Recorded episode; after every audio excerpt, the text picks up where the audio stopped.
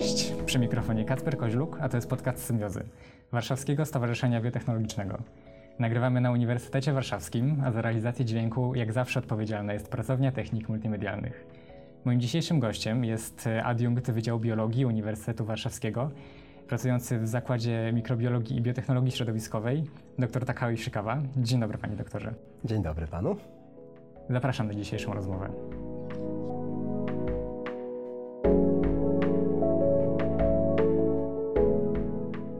Do dzisiejszej rozmowy zaprowadziły nas, e, zaprowadził nas temat bakterii arktycznych, ale nie sposób nie zacząć rozmowy od e, tematu Pana zakładu. Przez większość Pana kariery, jeżeli dobrze pamiętam, e, spędził Pan w zakładzie biologii molekularnej.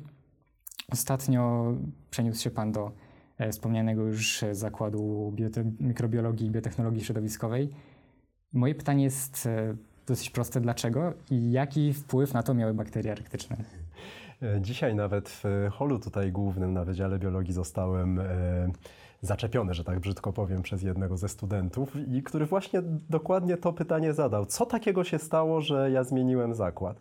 E, więc to się wydarzyło w ten sposób, że e, profesor Łukasz Dziewit, który jest szefem e, zakładu mikrobiologii i biotechnologii środowiskowej, no, któregoś razu, to było już prawie rok temu, poprosił mnie o rozmowę i po prostu z taką propozycją wyszedł. Wiem, że takie ruchy między instytutami czy zmiana zakładu, no to E, to, to, to się dosyć rzadko dzieje chyba i stąd też rozumiem, że e, Pana takie no, trochę zdziwienie, zaciekawienie, e, ale to było przede wszystkim podyktowane tym, że zespół profesora Dziewita właśnie chciał pójść w kierunku oczyszczania białek, białek kodowanych przez geny właśnie znalezione w metagenomach arktycznych. I, i zespół profesora Dziewita po prostu chciał rozszerzyć badania w kierunku oczyszczania enzymów czy białek kodowanych przez geny znalezione właśnie w metagenomach arktycznych. No i stąd wzięła się ta propozycja. Ponieważ ja się wcześniej e, różnymi białkami zajmowałem, no ale za każdym razem jak się no, bada białka, no to koniec końców trzeba je oczyścić, e, no albo zrobić jakieś rekombinowane, no to trzeba oczyścić. E, więc no, czuję się no, w jakimś stopniu no, ekspertem powiedzmy w tej dziedzinie. No i postanowiłem właśnie dołączyć do nowego zespołu. Nie dlatego, że w moim poprzednim miejscu było źle. To absolutnie nie tak, e, bo mi było zresztą bardzo tam dobrze.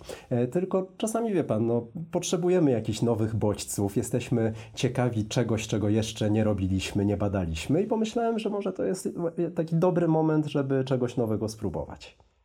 W takim razie bakterie arktyczne pojawiły się wcześniej, czy dopiero w momencie, w którym otrzymał Pan, e, pan tę propozycję? E, to bardzo dobre pytanie, bo e, no, patrząc na tę chronologię wydarzeń, no to one się w gruncie rzeczy w moim życiu pojawiły wraz z propozycją profesora Dziewita. Ale no, faktem jest, że zawsze mnie fascynowały takie niedostępne środowiska.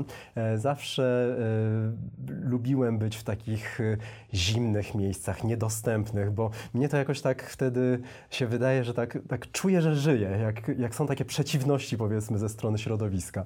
Więc y, mnie zawsze te środowiska takie odległe, zimne, e, niedostępne e, pociągały. E, no więc w pewnym sensie to było we mnie wcześniej i, i na taki bardzo podatny grunt właściwie trafiła propozycja.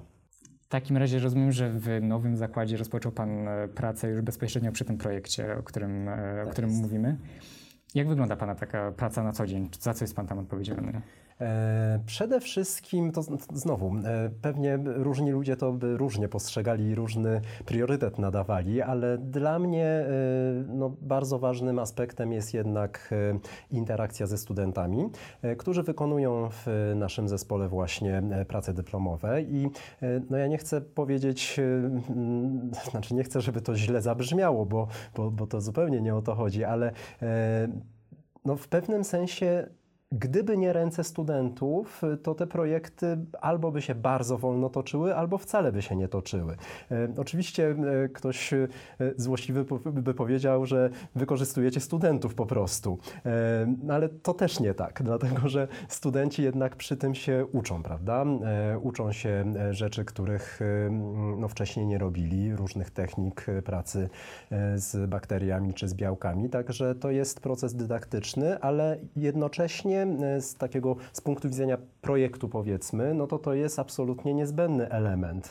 Studenci studiów licencjackich, magister, magisterskich, czy doktoranci też, którzy są formalnie przecież studentami, no to, to są główni wykonawcy, czy główni E, e, no, główne ręce, które rzeczywiście te badania do przodu e, posuwają. Więc ja jestem odpowiedzialny oczywiście za uczenie tych studentów, jak powinni postępować z konkretnymi bakteriami czy białkami, ale też no, jestem, można powiedzieć, odpowiedzialny za takie skoordynowanie, który student od którego momentu do którego momentu ma wykonać pracę, kto z kim ma współpracować i jak współpracować Także to jest taki e, brzydko mówiąc, management, powiedzmy, e, no to to jest e, myślę, że jedna z tych gałęzi, która jest no, istotną częścią mojej pracy.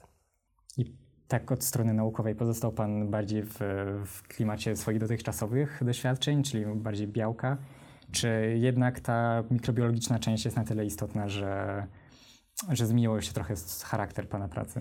No, formalnie się stałem mikrobiologiem, prawda? Przechodząc z Instytutu Biochemii do Instytutu Mikrobiologii, no powinienem, powinienem się nazywać mikrobiologiem, e, ale mm, no, powiem szczerze, nie do końca się czuję jednak mikrobiologiem. E, być może też dlatego, że ten materiał, e, z którym mamy do czynienia, to są metagenomy arktyczne. To znaczy, że to są po prostu genomy, wyizolowane z e, bakterii, które były w próbkach gleby tam pobranej. E, I od tego momentu już nie mamy do czynienia bezpośrednio z mikroorganizmami z tamtego środowiska, tylko mamy de facto z informacją genetyczną. Z jednej strony, ponieważ to wszystko było sekwencjonowane, no to mamy po prostu dane metagenomowe, z drugiej strony mamy porobione fizycznie tak zwane biblioteki metagenomowe, czyli no, na cząsteczkach e, podobnych do plazmidów kolistych mamy po prostu fragmenty z tych metagenomów zdeponowane. I my po prostu E, bierzemy tę informację genetyczną i e, syntetyzujemy w firmie komercyjnej e, konstrukt do ekspresji. No i wtedy oczywiście ten plazmid idzie do Escherichia coli, więc w tym sensie jakby warsztat pracy mi się zupełnie nie zmienił, bo pracując na poprzednich różnych białkach też je produkowałem w, no, w większości przypadków w Escherichia coli. Z drugiej strony, jeżeli mamy fizycznie te biblioteki metagenomowe, to one są też utrzymywane właśnie e, w Escherichia coli, więc e, zupełnie jakby od strony warsztatu mi się nic nie zmieniło. E, tylko właściwie ta informacja genetyczna, którą się teraz przyszło mi zmierzyć, pochodzi po prostu z Arktyki i tyle. Czy mimo to było to dla Pana dużym wyzwaniem, żeby zmienić może nawet nie tyle środowisko powiedzmy społeczne, no bo wiadomo, że jeżeli zmienia się grupę ludzi, to jest to zawsze trochę wyzwaniem, ale samo, samą przestrzeń, samą, samo, że kontekst, w którym Pan prowadzi teraz badania? Hmm, chyba nie. To znaczy, y, właśnie to, o czym Pan wspomniał. Dla mnie chyba najbardziej takim y, najtrudniejszym elementem było y, no jednak pożegnanie się z y, koleżankami i kolegami, z którymi przecież ja od właściwie studiów cały czas spędzałem czas w pracy. I y, ja ich bardzo lubię, więc y, no jednak ten czas rozstania i zmiany miejsca no jest pewnym takim wyzwaniem. Natomiast jeżeli chodzi o mm, zmianę tematyki, to jakoś nie odczułem e, takiego, nie wiem, szoku powiedzmy, e, czy, czy jakichś obaw. Nie miałem. Bardziej mnie ciekawiło, co nowego będzie, jakie będą wyzwania. E, na pewno właśnie, to chyba było też bardzo trudne, mianowicie po prostu zmiana przestrzeni laboratoryjnej. Bo to jest tak, że jednak nawet jeżeli umiemy coś robić, to jeżeli robimy to w inaczej urządzonym laboratorium, albo tak jak w naszym przypadku, dopiero co urządzanym laboratorium, e, no to to jest dosyć trudne, no bo e, nasza aktualna sytuacja jest taka, że część aparatury jest na czwartym piętrze, my generalnie siedzimy na parterze, e, części rzeczy w ogóle jeszcze nie mamy, bo wcześniej grupa profesora Dziewita białkami jakoś tak bardzo intensywnie się nie zajmowała, więc po prostu części rzeczy nie mamy jeszcze. No i odnalezienie się w tej takiej patchworkowej powiedzmy rzeczywistości to jest troszkę chyba trudne. Także jak ostatecznie urządzimy nasze laboratoria, no to myślę, że wtedy e, osiągnę znowu pełen komfort pracy. Jeszcze zapytałbym chętnie o to, jak wygląda w ogóle praca w takim zespole, bo zespół jest dosyć niestandardowy. Jest profesor Łukasz Dziewit, który zajmuje się mikrobiologią środowiskową z takimi e, lekkimi odchyłami w stronę geologii. Mhm. Jest doktor habilitowana Monika Radlińska, która z kolei zajmuje się wirusami. I jak e, połączyć tak różne kompetencje różnych osób? To ja jeszcze powiem, że mamy doktora Przemysława Decewicza, który jest bioinformatykiem, e, więc już w ogóle mamy no, bardzo zróżnicowaną kadrę. Myślę, że w tym, że ten zespół jest tak zróżnicowany, to jest y, właśnie w tym jest siła, dlatego że no, my jesteśmy w stanie uzupełniać się. E, gdyby wszyscy się zajmowali tym samym, e, no to oczywiście w przypadku takiego e, no, poważnego kryzysu, powiedzmy, no, możemy liczyć na wsparcie, prawda? Więc no, to oczywiście też daje siłę, ale mam wrażenie, że jeżeli cały zespół składa się z osób o takich samych czy bardzo zbliżonych kompetencjach, kompetencji, to łatwo jest wpaść w taką monotonię, powiedzmy. Wydaje mi się, że e, to, że my właśnie w obecnym zespole, e, e, zespole profesora Dziewita zajmujemy się trochę innymi rzeczami i interesujemy się trochę innymi rzeczami, to jest bardzo dobrze, że jesteśmy w stanie zobaczyć coś ciekawego w kręgu zainteresowania właśnie nie moim bezpośrednim, tylko właśnie u moich kolegów czy koleżanek. I e, no, liczę na to, że w, e, przed nami właśnie bardzo różne, ciekawe badania. Niekoniecznie właśnie cały czas w tym jednym kanonie, tylko że będziemy czasami robić wycieczki, a a to raz w jedną stronę, innym razem w drugą stronę, że, że dzięki temu troszkę więcej doświadczeń niż mógłbym doświadczyć w takim właśnie monolitycznym zespole. To płynnie przejdę w takim razie od, od tej odpowiedzi do kolejnego pytania. Jak w takim razie wygląda sam projekt? Co jest, co jest jego celem i jakie musicie przejść kroki, żeby, żeby go, go osiągnąć? Celem jest. Yy, to jest dobre pytanie. E, celem jest tak naprawdę e, poznanie różnych enzymów, które są w stanie w niskiej temperaturze katalizować wydajnie reakcje. E, I mm, w tej chwili mamy e, różne e, enzymy. Ja szczególnie się zajmuję w tej chwili pektynazami, celulazami mm, i beta-galaktozydazami, czyli to są wszystkie, to są enzymy, które w jakiś sposób obrabiają cukry, nazwijmy to. No, szczególnie jeżeli chodzi o celulazę i pektynazę, no to rozkładają wielocukry. I to Jakie zastosowania znajdziemy dla tych enzymów, to jest w gruncie rzeczy no, nasza inwencja, prawda? E, no na przykład beta-galaktozydazy, e, czy inaczej laktazy, no wiadomo, że się wykorzystuje na przykład w przemyśle spożywczym przy produkcji mleka bezlaktozowego. E, no i tutaj myślę, że ten przykład jest może e, nie taki zły, żeby e, pokazać o co właściwie w tym projekcie chodzi. Bo mm, jeżeli chcemy wydajnie rozłożyć laktozę, która jest w mleku, no to wiadomo, że nie najlepszym wyborem są enzymy, które wymagają na przykład stosunkowo wysokich temperatur do aktywnego działania, no bo w ten sposób y, no, tracimy walory, powiedzmy, e, mleka jako produktu spożywczego. E, jeżeli jesteśmy w stanie, zachowując niską temperaturę, a zatem świeżość tego produktu, jednocześnie usunąć wydajnie laktozę, no to właśnie w takich sytuacjach te enzymy bardzo się przydają. E, przed chwilą wspomniałem o celulazie czy pektynazie. Tutaj jednym z takich kierunków, który, w którym chcemy w przyszłych projektach pójść, to jest ich zastosowanie w rolnictwie regeneracyjnym. To znaczy w momencie, kiedy po żniwach mamy na polu stosunkowo dużą ilość materii organicznej, po prostu zalegającą i trudno dostępną dla bakterii glebowych, to jeżeli byśmy e, takie e, pola potraktowali, że tak powiem, e, koktajlem enzymatycznym celulazowo-pektynazowym, no to możemy się spodziewać przyspieszenia biodegradacji, znaczy może niekoniecznie biodegradacji, ale degradacji właśnie katalizowanej e, przez te psychrofilne enzymy. E, no i w ten sposób możemy przyspieszyć obieg materii, e, uwolnić cenne składniki odżywcze dla, dla organizmów właśnie tych glebowych. No i taki jest, takie jest potencjalne powiedzmy zastosowanie. No i teraz wracając do projektu, chodzi o bioprospekcję, czyli poszukiwanie zasobów, czy przeszukiwanie zasobów biologicznych, to, co nam oferuje Arktyka. E, no bo tam jest e, bardzo dużo e, prawdopodobnie e, dobrze przystosowanych do chłodu mikroorganizmów, e, no bo tak działa, prawda, dobór naturalny, że w takim środowisku e, najpewniej no, dobrze się czują i dobrze funkcjonują właśnie takie organizmy psychrofilne.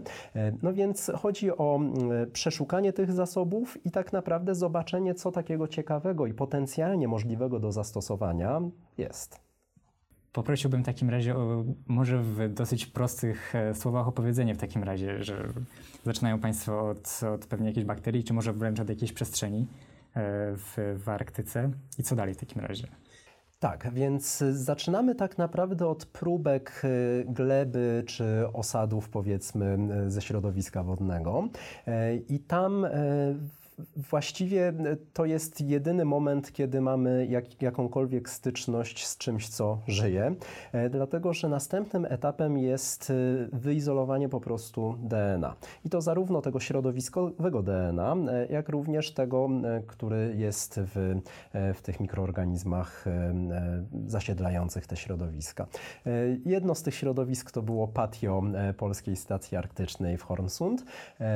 Notabene tej próbki właśnie metagenomu z patiostacji e, znaleźliśmy e, bakterię, ma, e, która ma E, znaleźliśmy bakterię, która ma pektynazę i celulazę. E, może to przypadek, ale może niekoniecznie, e, bo być może właśnie tam były tego typu polisacharydy. No, trudno się spodziewać pektyny gdzieś tam na lodowcu, no bo tam raczej nie rosną drzewa owocowe, więc być może to było tak, że owoce po prostu dostarczone do stacji arktycznej, no jakiś tam fragment upadł i akurat to spowodowało no, wyselekcjonowanie tych bakterii e, z taką aktywnością enzymatyczną.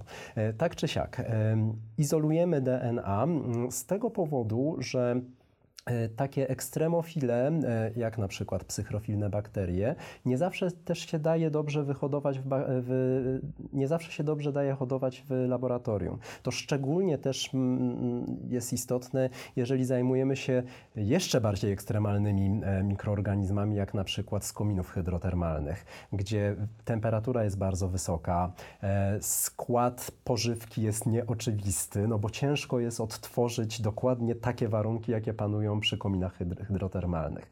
No i wracając do e, chłodolubnych bakterii, no też no, niby Środowisko jest takie no bardziej może łatwiejsze do zdefiniowania, no ale e, trzeba zapewnić niską temperaturę, e, trzeba zapewnić e, jakąś tam odpowiednią powiedzmy pożywkę, której skład przecież nie jest nam znany. Wreszcie w tej niskiej temperaturze stosunkowo wolno te mikroorganizmy rosną, więc generalnie nie jest to bardzo wygodny sposób badania tego, co oferują te mikroorganizmy. I dlatego właśnie jednym z pierwszych kroków jest po oczyszczenie tego DNA, e, no i sporządzenie właśnie biblioteki e, metagenomowej, tudzież sekwencjonowanie i po prostu e, analiza już danych, analiza informacji genetycznej metodami bioinformatycznymi. Mógłby Pan jeszcze tak pokrótce wytłumaczyć, czym są biblioteki metagenomowe? Tak, oczywiście. Biblioteki metagenomowe to, są, to jest zespół plazmidowego DNA mm, formalnie my używamy fosmidów. E, a fosmidy z kolei to są troszkę bardziej, powiedziałbym, takie przypakowane kosmidy, e, więc może po kolei. E, plazmidy myślę, że większość słuchaczy no, wie, czym są plazmidy. Są to koliste cząsteczki DNA poza chromosomem bakteryjnym. No, są po prostu jako dodatkowy nośnik informacji genetycznej w wielu bakteriach występują. I takie naturalne plazmidy zostały zmodyfikowane zmodyfikowane przez naukowców. E, e, została dodana e, sekwencja KOS z Fagalanda i mm, w ten sposób powstały kosmidy. To znaczy takie cząsteczki oparte na plazmidach, ale z możliwością zapakowania e, do e, kapsydu e, fagowego. To umożliwia sklonowanie nieco większego fragmentu DNA niż konwencjonalne plazmidy to umożliwiają, a z kolei fosmidy to są kosmidy, ale jeszcze bardziej zmodyfikowane, e, ponieważ mają e, czynnik e, F pochodzący z plazmidu F, czyli umożliwiają koniugację i w ten sposób można przekazać od bakterii do bakterii taki kosmid w ten sposób zmodyfikowany, czyli fosmid, zachowując cały czas tę zaletę, że można sklonować stosunkowo duży fragment DNA. Więc my używamy tych fosmidów zamiast konwencjonalnych plazmidów do sklonowania właśnie e, fragmentu e, metagenomu. E, no i mamy zbiór tych fosmidów, tak żeby on obejmował cały ten metagenom, który został pozyskany z Arktyki. Czyli no, mówiąc, może ciężko powiedzieć obrazowo, skoro nie mamy wizji, ale jak mamy ten cały DNA z Arktyki, on jest pofragmentowany średnio powiedzmy na fragmenty około 30-40 tysięcy par zasad i każdy jeden jest zligowany z jedną cząsteczką fosmidu, tworząc w ten sposób zespół fosmidów, które obejmują cały ten metagenom. No i to jest biblioteka metagenomowa. Dziękuję bardzo za wytłumaczenie. To chciałem zapytać w takim razie, czy, czy udało Wam się już uzyskać może jakieś, e, jakieś wstępne wyniki? Ten projekt trwa już, e, z tego co mi się wydaje, około roku. Tak, ten e, projekt nawet dłużej trwa. Ja dołączyłem rzeczywiście rok temu e, mniej więcej, więc z mojego punktu widzenia, tak jak Pan mówi, on trwa rok, e, ale w rzeczywistości on trwa już 4 lata. I w trakcie tych czterech lat oczyszczono ponad 100 różnych enzymów. I mm, Część z nich to są właśnie te e, celulazy, pektynazy i beta-galaktozydazy, o których e, wspomniałem, no bo to są te enzymy, którymi e, mnie się przyszło zmierzyć. Natomiast inne też tam są. Może tylko zdradzę, że niektóre z nich mogłyby znaleźć zastosowanie jako narzędzie po prostu w biologii molekularnej. Natomiast jeszcze projekt nie jest zakończony i o tych innych enzymach pewnie wolałbym mówić dopiero po po opublikowaniu, tudzież o opatentowaniu, bo taka droga dla e, tego typu właśnie produktów czy owoców, powiedzmy, e, pracy naukowej też istnieje. E, o to Pan nie zapytał, ale, bo może wyprzedziłem po prostu pytanie, ale no często realizując projekty, naukowcy rozliczają się publikując prace naukowe, ale też jak realizuje się tego typu no, aplikacyjne, powiedzmy, projekty, to równie dobrze można też opatentować. E, I to też jest jakby e, liczone jako, powiedziałbym, e, osiągnięcie, powiedzmy, z realizacji projektu.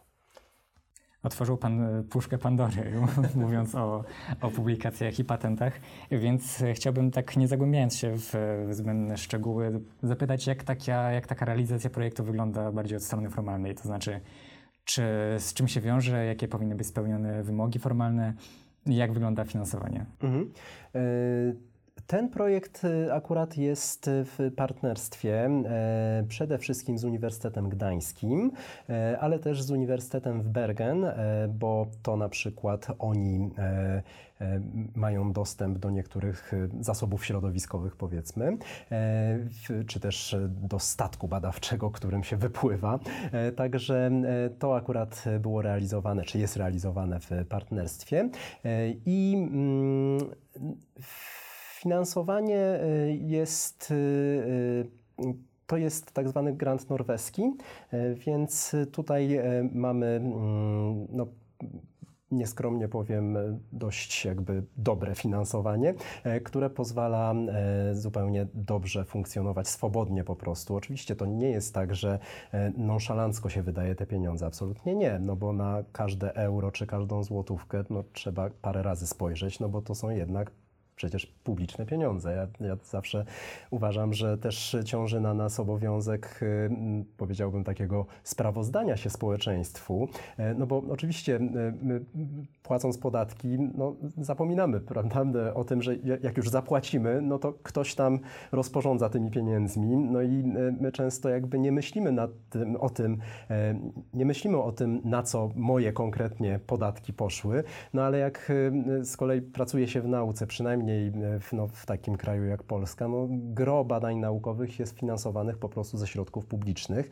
Oczywiście naukowcy by powiedzieli, że, że za mało, że, że za mało tych grantów się przyznaje, no ale jednak nawet jeżeli uważamy, że to jest mało, no to to są cenne po prostu czyjeś podatki.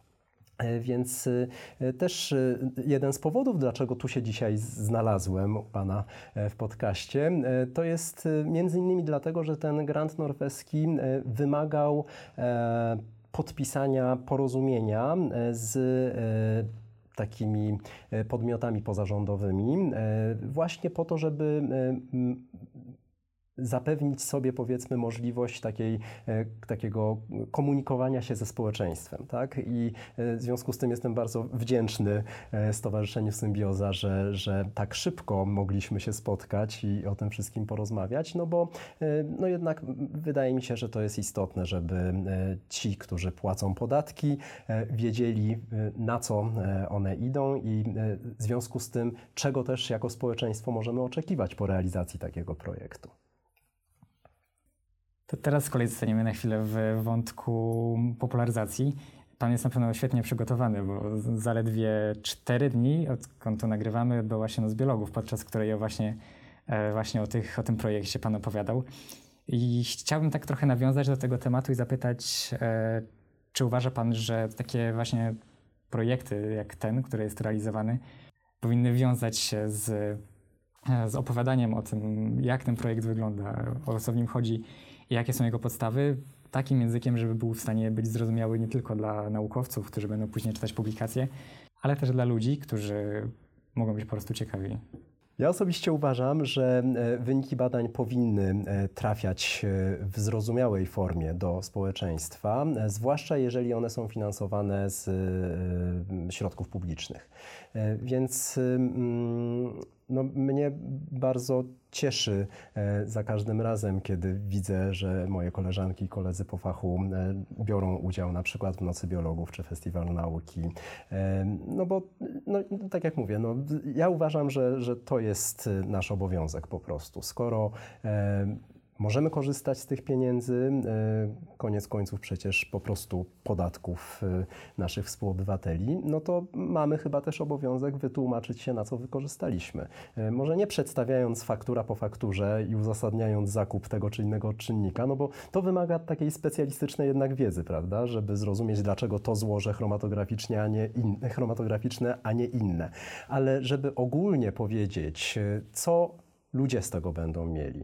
Albo co to jest rolnictwo regeneracyjne, dlaczego to jest dobre i potrzebne i dlaczego w tym się przydają takie czy inne enzymy, no to to wydaje mi się, że jest do zrozumienia, jeżeli w odpowiedni sposób się przedstawi. No i uważam, znaczy ja w tym po prostu widzę wartość. Mm, odpowiednio to znaczy jak? Czy ma Pan jakieś takie sposoby, jak opowiadać o rzeczach, które często wydają się absolutnie abstrakcyjne, jak na przykład pozyskiwanie enzymów z bakterii arktycznych? Tak. E, patentu nie mam. E, oczywiście, że nie mam.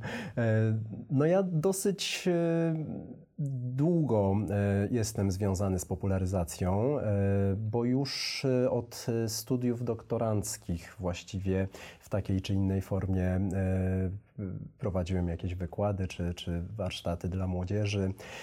I, i i wciąż nie wiem, jaki jest patent. To znaczy, ja no myślę, że trzeba po prostu.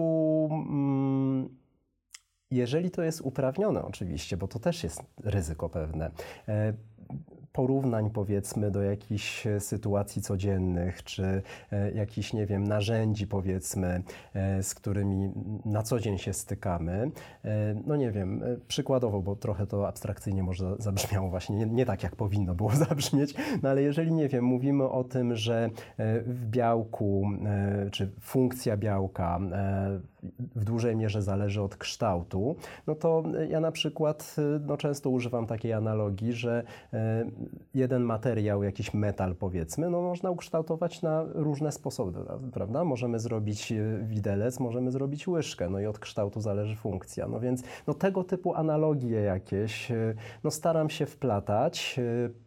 E, W przypadku właśnie tych badań, wbrew pozorom, dotyczących właśnie tych, tej bioprospekcji metagenomów arktycznych, to dla mnie, znaczy to słuchacze e, wykładu na nocy biologów ocenią mnie, ale e, dla mnie przynajmniej jako mówcy mm, to ten temat sprawia mniejszy kłopot niż opowiadanie na przykład e, o tym, czym się parę lat temu zajmowałem, to znaczy aktywności kinazowej topoizomerazy pierwszej. No, enzym, który e, nacina jedną z podwójnej helisy e, i likwiduje napięcia torsyjne w DNA, które powstają w trakcie transkrypcji e, czy replikacji DNA. No, okazuje się, że też jest kinazą, która fosforyluje czynniki splicingowe.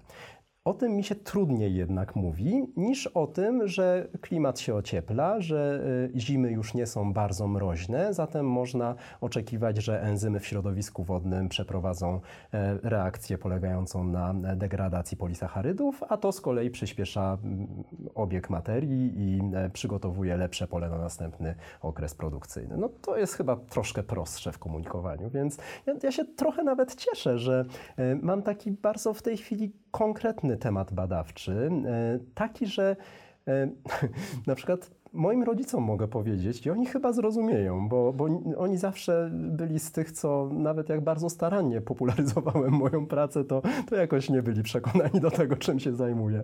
Także tak, to, to jest akurat e, myślę, że wdzięczny temat. Nawiasem mówiąc, jeżeli też chcielibyście posłuchać wykładu doktora Takao Yoshikawy z Nocy Biologów, to jest ona dostępna zarówno na Facebooku, jak i na YouTubie e, tegorocznej Nocy Biologów na Wydziale Biologii, więc zapraszamy serdecznie. Czyli opowiadanie o zjawisku, które jest e, bliższe doświadczalnie dla odbiorców, czy po prostu umieszczone w kontekście, który jest im e, dużo bardziej znany, jest łatwiejsze. Pewnie trochę się bierze to z tego, że no tak jak zaczął Pan opowiadać o topoizomerazach, w których sam zaraz zrobiłem błąd językowy, było to na tyle trudne, że nawet żeby zrozumieć, o czym w ogóle Pan mówi, że jeżeli porówna się to do, do pola, do zbiorów i do ocieplenia klimatu, to wszystko staje się nagle trochę trochę takie bardziej chyba przystępne, prawda? No bo jakby zimę potrafimy sobie wyobrazić, znamy pole, wiemy do czego służy. No z topoizomerazą i jej aktywnością kinazową, żeby było jasne, nie uważam, że to jest mniej istotne, bo zrozumienie procesów komórkowych, e, często przecież związanych z e, no, różnymi też chorobami, no to tym też społeczeństwo jest zainteresowane. Ja uważam, że, znaczy, yy, chciałbym, żeby to jednoznacznie też wybrzmiało. To nie jest tak, że śmieję się z badań, które parę lat temu robiłem, bo to, co teraz robię, uważam za ważniejsze, ciekawsze czy coś. To jest po prostu inne. E, tamte badania też były niezwykle ciekawe, e, stanowiły duże wyzwanie techniczno-intelektualne i, i to było bardzo ciekawe. E, no tylko trudniej się troszkę o tym mówi, no bo trzeba więcej czasu poświęcić właśnie na ten kontekst. Tak jak Pan słusznie zwrócił uwagę, że kontekst y, enzymów psychrofilnych jest łatwiej sobie wyobrazić niż kontekst y, fosforylacji czynników splicingowych u człowieka. Użył Pan pięciu słów, z czego żadne nie było chyba zrozumiałe. to dobrze tego dowodzi. Zahaczyłbym jeszcze chętnie o temat, e, który Pan już wcześniej poruszył, mianowicie tego, że w projekcie jest Pan odpowiedzialny między innymi za koordynację pracy studentów. Więc chciałbym zapytać, e, jest Pan na Wydziale Biologii znany z, z bycia praktycznie ikoną dydaktyki. E, więc chciałbym zapytać też, czy, czy dla Pana ta praca dydaktyczna, którą Pan wykonuje, jest równie ważna, ważniejsza, czy może mniej istotna? E, w stosunku do tej pracy naukowej, która jest w tym projekcie, które gdzieś te dwie strony się ścierają gdzieś pomiędzy robieniem nauki, pisaniem artykułów, a uczeniem kolejnych pokoleń. Moje takie zainteresowanie popularyzacją e, wzięło się tak naprawdę z pewnej powiedzmy frustracji e, na polu naukowym. To znaczy wtedy, kiedy e, robiłem doktorat, e, ja myślę, że każdy doktorant prędzej czy później przechodzi taki stan jakby emocjonalno-umysłowy. No przykre to swoją drogą jest, ale, no, ale słyszy się, że, że to jest taki trudny okres powiedzmy. Ja też go przeżywałem i wtedy bardzo się realizowałem właśnie opowiadając niekoniecznie o swoich badaniach, ale przybliżając świat biologii molekularnej, literaturze licealistom, czy w tamtym czasie, to mówimy o początku powiedzmy XXI wieku, e, czyli już prawie 25 lat temu, e, nauczycielom, e, którzy już wtedy powinni byli trochę uczyć o genach, o klonowaniu, nawet w szkołach licealnych, a, a jednak mieli mm, część z nich, myślę, że nie mała, e, no nie miała styczności z taką biologią molekularną, gdy oni byli studentami i studentkami. E, Więc ja się bardzo wtedy realizowałem właśnie przybliżając im ten świat e, i to w ogóle e, był mój początek takiej, powiedziałbym, pracy dydaktycznej, bo ja wcześniej na studiach, to moje koleżanki i koledzy myślę, że potwierdzą, raczej byłem takim cichym, nie, takim człowiekiem nie na zewnątrz skierowanym, raczej do wewnątrz właśnie. Więc gdybym przed grupą ludzi miał coś powiedzieć, to bym się spalił ze wstydu prawdopodobnie. Nie siedziałby pan tutaj teraz. Nie. Więc y, to, że zacząłem właśnie wychodzić jakby y, z tym, na czym się w miarę już wtedy znałem, do licealistów czy do e, e, ucz, e, czy, więc to, że zacząłem wychodzić do uczniów e, i nauczycieli e, liceum e, z tym, na czym się w miarę dobrze znałem już wtedy, to też bardzo się przyczyniło do tego, że praca dydaktyczna mi się zaczęła podobać. Bardzo to jest takie no, niesamowite uczucie, jak ktoś, kto jeszcze przed chwilą czegoś nie rozumiał albo nie wiedział, no widać po prostu po tym człowieku, że dotarło, prawda? I, I, to jest super moment i ja bardzo to lubię w pracy dydaktycznej. E, więc mm, w momentach, kiedy badania mi powiedzmy naukowe już potem, jak e, zacząłem pracować po prostu na wydziale, nie szły, to zawsze moją taką odskocznią, e, no takim miejscem, gdzie naprawdę się mogłem zrealizować, to była dydaktyka. E, Bo no, biologia jest trochę niewdzięczna w tym sensie, że e, znaczy być może każda dziedzina coś takiego ma, ale no, ja jestem biologiem i narzekam na biologię, że tak zwana matka natura czasami nie chce z nami współpracować. No to pewnie pan też mógł tego doświadczyć, a jak nie, to za chwilę doświadczy. Robi pan wszystko tak, jak powinno się robić, a komórki nie rosną, albo nie wiem, białko się nie chce wyizolować tak, jakbyśmy chcieli. No, cały czas jest coś nie tak. No, no, może przesadziłem, że cały czas, ale to się no, każdemu biologowi prędzej czy później przydarzy. E, A w pracy dydaktycznej w zasadzie wszystko ode mnie zależy, prawda? E, To jest e, wszystko po mojej stronie. Ja nie mogę zwalić e, na matkę naturę, że student czy studentka, z którym pracuję, czegoś nie zrozumiał, bo, bo to jest moja wina, jeżeli nie zrozumiał. Więc praca dydaktyczna bardzo dużo frajdy mi daje, Mm, ale muszę powiedzieć, że teraz jak e, właśnie jestem w nowym temacie, cały czas taki e, zaciekawiony powiedzmy i zupełnie w połowie drogi, bo to jest tak, że my już mamy niektóre e, e, klony bakteryjne, które wyrażają e, enzymy, e, celulazy czy pektynazy, ale jeszcze nie doszedłem do etapu ich oczyszczania, w sensie osobistym, e, osobistego oczyszczania. E, Więc y, no, cały czas jestem bardzo podekscytowany, jak to będzie i czy wyjdzie, i czy rzeczywiście w niskich temperaturach będą te enzymy tak aktywne, jakbyśmy tego sobie życzyli. No więc to nie jest tak, że dydaktyka zeszła na jakiś drugi plan, ponieważ się znalazłem w nowym temacie badawczym. Raczej odwrotnie chyba. Dydaktyka cały czas jest dla mnie ważna, ale nauka, która momentami, no taka, no może nie szła mi tak dobrze, jakbym chciał, żeby mi szła, no teraz mam takie poczucie, że i to jest fajnie y, realizowane, i to też jest fajnie realizowane, więc tak, czuję się no, taki spełniony, bym powiedział teraz. Świetnie, to. Świetnie, to przynosi bardzo dużo nadziei dla wszystkich doktorantów. Mam nadzieję. Już po trzech latach e, mojej przygody z biologią miałem już takie praktyki, na których przez dwa miesiące próbowałem zligować plazmid i plazmid się nie zligował, więc to dosyć szybko można się zorientować, jak bardzo niewdzięczna potrafi być biologia. No właśnie, to pan dokładnie wie, o czym mówiłem. Już tak przechodząc do końca, myślę, że chciałbym zapytać jeszcze już tak bardziej życiowo o bycie, bycie naukowcem, który w pewnym momencie zmienia swoją, e, swoją ścieżkę, zmienia zakład, e, zmienia trochę charakter swojej pracy, czy może kontekst swojej pracy. Jak pan to odbiera? Czy daje to panu Czy daje to Panu taką nową energię i poczucie, że, że w nauce jest jeszcze jednak dużo miejsc, które może Pan y, odkryć, mimo rozwijania się już w bardzo konkretnej dziedzinie? Tak, i to jest y, w ogóle bardzo ciekawe doświadczenie, bo e, no oczywiście bezpośrednie otoczenie zmieniłem, no w tym sensie, że jestem w innej części budynku, e, jestem w innym temacie, e, no i z innymi osobami na co dzień tak intensywnie powiedzmy współpracuję a jednocześnie jestem w miejscu pracy, które doskonale znam. Tak? Więc tak jakbym zmienił otoczenie, ale jednocześnie tak jakbym nie do końca zmienił otoczenie. Więc to nie jest y, taka terapia szokowa, powiedzmy, tylko takie, mm, takie odświeżenie troszkę no, z mojego punktu widzenia. E, I mm, tak, to, to jest fajne też, że ja się oczywiście w nowym kontekście teraz będę białkami zajmować. E, będę się zupełnie innymi białkami zajmować niż e, w porównaniu do tych, z którymi do tej pory się zajmowałem. Zresztą białek jest tyle, że można by cały czas zmieniać temat i czasu by nie starczyło.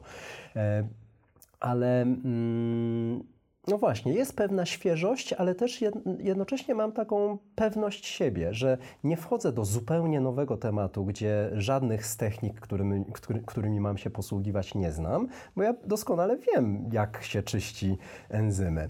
E, tylko to będą inne enzymy. E, więc tak, dla mnie to oczywiście są zmiany i to no, duże jednak e, ale jednocześnie nie mam takiego poczucia, że, e, że popaliłem za sobą wszystkie możliwe mosty, dlatego że e, no, cały czas ja mogę e, spotkać na korytarzu właśnie koleżanki i kolegów ze starego mojego miejsca, z którymi zresztą często sobie rozmawiamy po prostu. Także no, to jest miłe, że niby w nowym miejscu, ale jednak w starym miejscu. Bardzo miło to słyszeć i za tę nową przygodę w, w, starym miejscu, jak i za to, żeby matka natura tym razem okazała się łaskawa w kwestii enzymów cychlofilnych. E, życzymy Panu bardzo serdecznie i dziękuję bardzo za dzisiejszą rozmowę. Bardzo dziękuję za zaproszenie.